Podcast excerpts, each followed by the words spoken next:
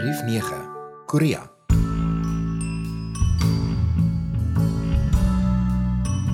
Wat van as jy die vis uit die boot help en hy dra na jou en hy gee jou drie wense? Wat sal jy wens?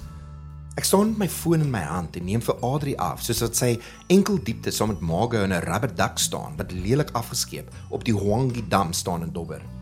Ek sal wens dat die hitte vergaan en dat dit net herfs en lente die heel jaar is, sê Margo, in diep verweer met 'n blou tapperbak wat sy gebruik het om water uit die boot te skep sodat hulle die vis wat glo daarin rondswem kan uithelp. Almal weet jy wens dat al jou wense waar word, skerts ek terug, maar die opwinding van die visvang is verby. John of Mr Muscles, soos wat ons hom noem, het vir altyd kom kuier hier op Chungju en Sally is ook van Gumi af saamgesleep. Die hele idee was dat die lot van hulle die lang naweek langs die viswater sou spandeer en ons kon saam met hulle ons eerste Koreaanse damvisvang beleef. Die drie van hulle was al diep ingewortel langs die waters toe ek en Margo sweterig daar opdaag met kombersies en verversings. Daar was nog nie een byt gewees nie en toe John terugloop om 'n nuwe kunswurm op sy lyn te sit, gewaar hy die bootwonende vis. Ons het hom eers nie geglo nie, want ons was oortuig dat die lot van hulle so aangespoor was om ietsie te vang dat hulle visse begin projekteer het op snaakse plekke. Dit was eers toe Margo met mening water uit die bootjie begin skep dat ons almal bewus geword het dat dit nie net 'n projeksie van John se smeulende hinkerings is om 'n vis te sien nie, maar in daadwerklikheid 'n 15 cm visie wat op een of ander vreemde wyse homself tot binne in die bootjie gekry het en nie weer kon uit of oorkom nie. Andri, wat nie bang is vir enigiets grillerigs nie, het uiteindelik die vaarbond in die hande gekry en met 'n luide toejuig terug in die dam gehelp. Ek en Margo het ons lê onder die boom gekry en dit was nie lank nie of ons hoor Sally uit bassein dat iets haar lyn ruk. Met opwinding begin die ander twee in katrol om nou die vangs te kom meedeel. Maar net Sally die vis bo die water kry, ruk hy homself los en verdwyn onder die donker laken van damwater. In 3 jaar het ek nog net gras en stokkies uit hierdie water getrek. Nou die eerste keer dat iets uiteindelik vassit aan my hoek, spring hy voor my oë terug in die water. Maar ek kan sien dat daar 'n vonkel na oog is en dat die spesifieke klas van opwinding alleenlik behoort aan die visserman. Dit het sy hakke diep in haar gevoelsentrum ingeskop. Sy lag praat nog vir hele ruk lank. Sy's opgewonde, vrek opgewonde. Ek noem dit so lig weg dat ek eintlik kon sien dat die vis nie vasgesit het op die hoek nie, maar bloot bo op dit gestaan het met sy ander vin wat die lyn stewig vasgehou het. Hy het op die seremonieuse wyse sy verskyning gemaak en nes ons hom kon sien, het hy sy middelvin, want visse het nie middelvingers nie gewys en in visstaal gegorrel dat julle dom Suid-Afrikanertjies niks uit hierdie Koreaanse water gaan trek vandag nie en met parmantigheid 'n agteroorduik terug in die water gemaak het. Gelukkig het Sally haarself nie aan my gesteer nie en so ook nie die noodlot nie, want van daardie punt af het die visse net mooi onophoudelik begin byt. Selfs ek het een gevang.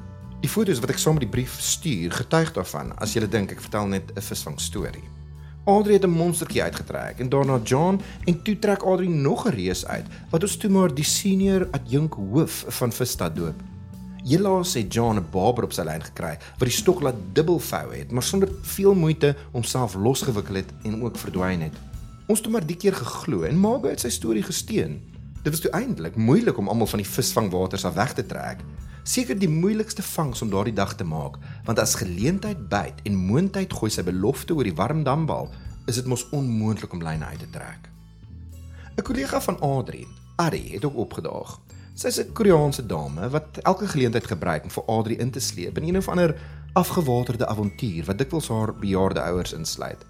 Sy het met roomys gekom en ons het almal gewilliglik geëet, maar dit was en is moeilik om langs die viswater se diplomatisiese en veralgemene taal te praat. Afrikaans met al sy fyn en genuanceerde akwatiese beeldspraak is so vars en sorgeloos vloei.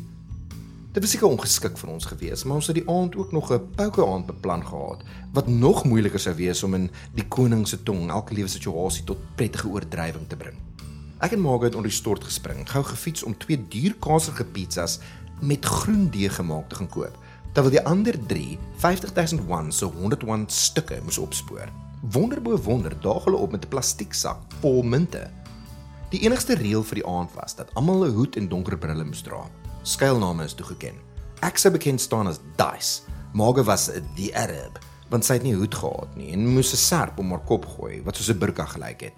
Adri was Dahook, John, Mr Muscle Man, wat hy's gebou soos 'n suspenseful spek en Sally was Nuga, want Sally Williams Nuga. Dis hoekom. Van die begin af het Adri die game baie ernstig opgeneem en was bietjie aan die einde van haar geduld, soos wat mense stories uit elke hoek van hulle ondervindingswêreld uitgetrek het en soos broodkrummels vir honger voeltjies heen en weer oor die tafel gestrooi het. Dit was nie lank nie of die Arab en Nougat het in een van daardie groot potte vasgehaak waar hulle hoop munte in die wetenskap voor hulle gehad het wat die een van hulle sou reëneer. Dit was toe gelukkig nie die Arab nie, maar Nougat wat al haar geldjies soetjies moes oorstoot na die Midde-Oosterse prinsesse kant toe. Johnny toe uitgedraai as 'n gedigte teenstander met 'n pokerface waardeur niemand kon lees nie. Sy hoop die geld het hoër en hoër geraak tot dit op die punt gekom het waar hy die potte so opgejaag het dat niemand eintlik meer kon meeding nie. Maar daardie groot wiel van dobbel draai stadig maar seker en kort voor lank was dit ek en Margo of wel the Arab and Dice wat met al die geld weggestap het. Die aand het stadig aangedrentel tot na 2 in die oggend en die drie gaste het sleepvoet en deftig aangeklam uit die woonstel gedrentel, ster tussen die been op soek na 'n taxi om hulle terug te ontvoer na Adri se een slaapkamer woonstel hoorop in die dorp. Ons het die volgende middag vir Koreaanse kos ontmoet, wat dan anders. Julle moet verstaan dat die drie van hulle nog almal in hulle middel 20's is en hulle was op soek na nog meer avontuur soos wat ons trommeldik uit die eetplek gestap het.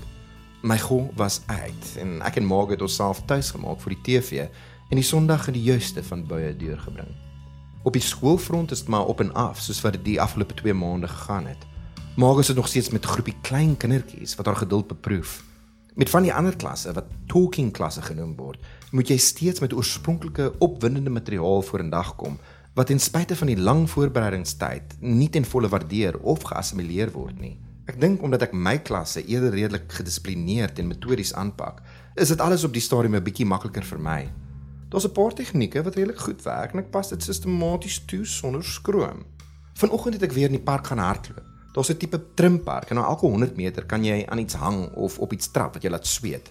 Gou baie daarvan. Oral onder sulke rondawels sit stokou Koreaners en tuur my oefensessies aan. Hulle eindig dikwels deur hulself lekker te vermaak, soos wat ek rondpal jaar op implemente en ek is seker hulle nuwe benamings kry vir die manier hoe ek rondrits. Ons beplan om vir die week vakansie wat ons in September het, Thailand toe te gaan.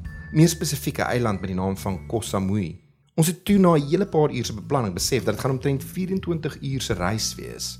Ons dink toe dat die Filippyne ook lekker kan wees, maar dit was ook 'n baie lang reis. Jeju, die Koreaanse eiland net onder die vasteland, het nie die tropiese eiland gevoel wat ons soek nie. En na redelike noukeurige ondersoek het ons die plan ook laat vaar. Ons het toe gisteraand besluit dat 'n week in Beijing net die regte ding is, maar om 'n plek te kry wat vir ons perfek is, het ook nou al uitgedraai om amper onmoontlik te wees. Daar is 350 hotelle in hierdie klein areaetjie waar ons graag wil wees. Ons maak hopelik nog vanaand 'n besluit en bespreek ons kaartjies vir die 11de September. Dis allerminst die persent wat ek en Margo aan my gee vir my 40ste verjaarsdag. Soet slaap julle.